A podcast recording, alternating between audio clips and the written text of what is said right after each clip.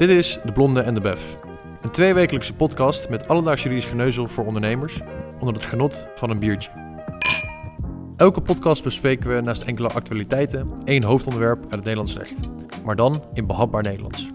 In De Blonde en de Bef gaan we het gesprek aan met een advocaat binnen het hoofdonderwerp van de aflevering. Door middel van een dialoog tussen een ondernemer en een advocaat proberen we alle perspectieven zo goed mogelijk te belichten. Naar een initiatief van Hallolex en VRT Advocaten om het recht weer een stuk toegankelijker te maken. Welkom, leuk dat je luistert. We gaan het nu in aflevering 2 van de serie De AVG vandaag hebben over het perspectief vanuit het bedrijf, CQ de ondernemer. Mijn naam is Bas van der Werf, ik ben van Hallolex en ik zit vandaag met eh, Leonard Belsma, advocaat van VRT. Welkom. Dankjewel. Leuk dat we het er vandaag weer uh, over kunnen hebben, over eigenlijk uh, wel jouw favoriete onderwerp kunnen we zeggen. Ze bestaan. Ja, er zijn AVG-gekkies, maar er zijn, er zijn er wel maar een paar. Over het algemeen is het geloof ik nog steeds buikpijnwetgeving, noem ik het heel vaak. Ja, ook voor die ondernemers. Hè. Ze, ze, moeten eraan voldoen, dat snappen ze ook wel. Uh, maar uh, ja, ze zien het toch als uh, regelgeving druk. Ja. Waarom is dit nou zo belangrijk? Als pijnlijk puntje, zeg maar. Ja, ja. noodzakelijk kwaad.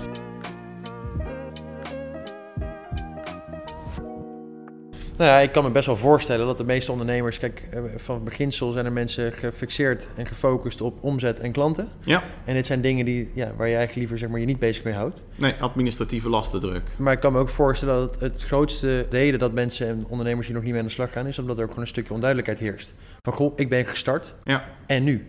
Ik denk dat die AVG ook echt kansen biedt. Oké, okay, vertel. Ja, waarom, vertel waarom die kansen biedt. Daar gaat wel meteen heel diep uh, op de inhoud in, zeg maar. Maar nee. ik denk dat we, nou ja, even een van de belangrijke. En de vorige keer hadden we het over het begrip betrokken. Dat zijn we allemaal zelf. Onze persoonsgegevens worden verwerkt. En ik denk dat wij ergens ook een belang hebben. Uh, dat wij uh, weten wat er met die gegevens gebeurt. Dus in die zin is ook voor die ondernemer het belang. Laten we eens met z'n allen iets zorgvuldiger met die persoonsgegevens omgaan. Ja.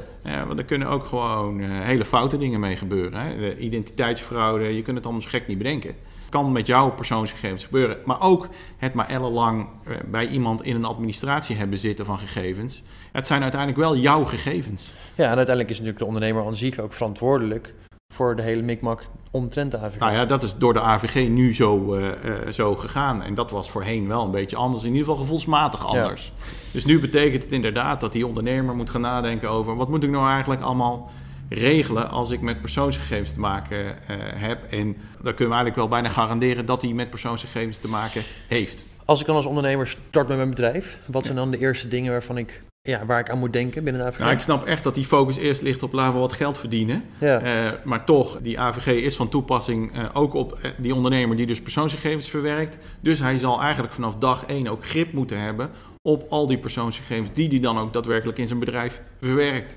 Ja. Of beoogt te gaan verwerken. Maar concreet, waar moet ik dan aan denken? En dan moet je denken aan een register van verwerkingsactiviteiten. Zoals dat zo netjes heet. En in dat register staat eigenlijk feitelijk precies vermeld welke persoonsgegevens jij als bedrijf of als ondernemer verwerkt, waarom je dat doet, aan wie je die verstrekt, of dat een verwerker is ja of nee, hoe lang je die gegevens bewaart.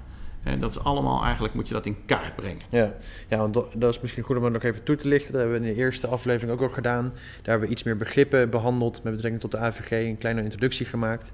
Um, mochten de begrippen die we nu ook gebruiken nog een stukje onduidelijk zijn... is denk ik aan te raden om aflevering 1 daarvan uh, nog even te beluisteren. Uh, maar ik denk dat het goed is ook om te zeggen dat ja, die ondernemer, zeg maar... die wil uiteindelijk ook ja, compliant zijn. Want het is Ja. compliance wetgeving natuurlijk. Ja, ik denk Ehm, dat je het zou moeten willen zijn. En eh, even negatief, ja, je, eh, je kunt het maar beter zijn, want het kan nog wel eens een duur grapje worden als je het niet bent. Exact. En dat is denk ik een beetje de crux van het hele verhaal met de verwerking van persoonsgegevens. Er is een toezichthouder, de autoriteit persoonsgegevens. Ja. En daar kan ook eigenlijk iedereen een melding bij maken Ja. op het moment dat je het foutief doet. Zeker, een grote blinkende knop op de homepage. Ja, en ik denk dat daar een beetje het risico ook voor de ondernemer ligt. Van goh, hey, wacht er in die zin natuurlijk niet te lang mee.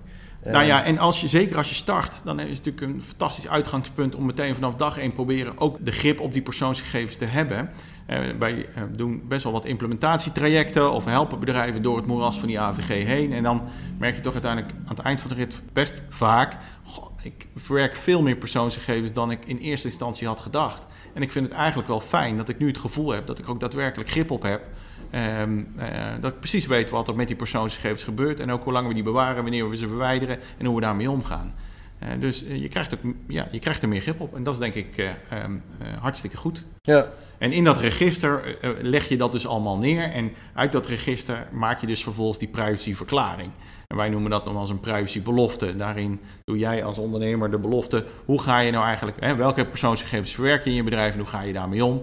En eh, dat kun je tegenwoordig bijna op elke website van, van een bedrijf wel teruglezen. Oké, dus even, ik start met mijn, bedrijf, ik start met mijn onderneming. En op het moment dat ik zeg van oké, die, die eerste omzet en die eerste klanten die zijn er wel. Ik wil ook meer compliant zijn aan de geldende regelgeving. Dan start ik dus met zo'n register en een verklaring. Dat, is een, dat is een heel goede start. Je moet in ieder geval ook een, een datalekregister hebben. Eh, die is dan, als het goed is, leeg. Ja, Ehm, dat hoop ik. Ja, eh, eh, maar, even als je dat eh, eh, goed in kaart brengt en als uitgangspunten neemt, dan, dan ben je al een, een eindje op weg. Vaak is er ook een privacybeleid, hè, waar je wat meer voor jezelf goed vastlegt eh, wat nou precies de bedoeling is en waar je naartoe wil en welke technische en organisatorische beveiligingsmaatregelen jij gaat nemen om ervoor te zorgen dat die persoonsgegevens die jij tot je beschikking hebt ook een beetje eh, veilig worden eh, opgeslagen. Ja, dat is meer, we hadden het net over die privacyverklaring. Hè, als zijn de ja, verklaring aan de buitenwereld over hoe jij omgaat Ja. met dienstpersoonsgegevens. Dat geldt natuurlijk ook op een interne verwerking. Van goh, hoe gaan wij als bedrijf zijnde om Ja. Met de gegevens die wij krijgen? En wat doen we daarmee? En hoe dienen we daar als ja, Ja, werknemer mee om te gaan? ja, groei je heel snel en heb je al heel snel personeel, eh, dan is het inderdaad goed om ook eh, naar, eh, ja, wij noemen dat een interne privacyverklaring, ook naar je eigen mensen te laten zien hoe gaan wij met die gegevens om en aan wie kun je vragen stellen. En wat is dan als ondernemersperspectief het verschil tussen het beleid en een- een interne privacyverklaring? Ehm, Misschien anders gezegd, welke moet ik eigenlijk hebben? nou, ik zou zeggen beide. De verklaring, daarin verklaar je hoe je het doet, dus die geef je af. Eh, die, die, die laat je lezen, die zet je op je website, maar die voor het personeel, die, die neem je op in een handboek. En je privacybeleid is meer een intern stuk voor jezelf. Oké. Oké, dus hebben we eigenlijk nu vier documenten om te zeggen, en daarmee kan je in die zin van start. Ja, maar als je dan vervolgens personeel hebt en je gaat ehm, bijvoorbeeld het salaris willen uitbetalen, dan heb je over het algemeen een, een accountant of een salarisadministratiekantoor eh, die de salarisstroken voor je maakt. Dan ga je dus ook verwerkers krijgen ehm, en ga je dus ook verwerkersovereenkomsten moeten sluiten. Met je accountant. Met die verwerker inderdaad, in dit geval een salarisadministratie. Ja. Ehm, ga je vervolgens ook pensioen laten opbouwen door het personeel. En dan, dan ga je ook weer afspraken met, met pensioenfonds maken. Maar let op, eh, dat is dan bijvoorbeeld weer geen verwerker. Ehm, en dus daar hoef je dan geen verwerkersovereenkomst mee te sluiten. Maar je zult dus wel eh, voor jezelf scherp moeten hebben.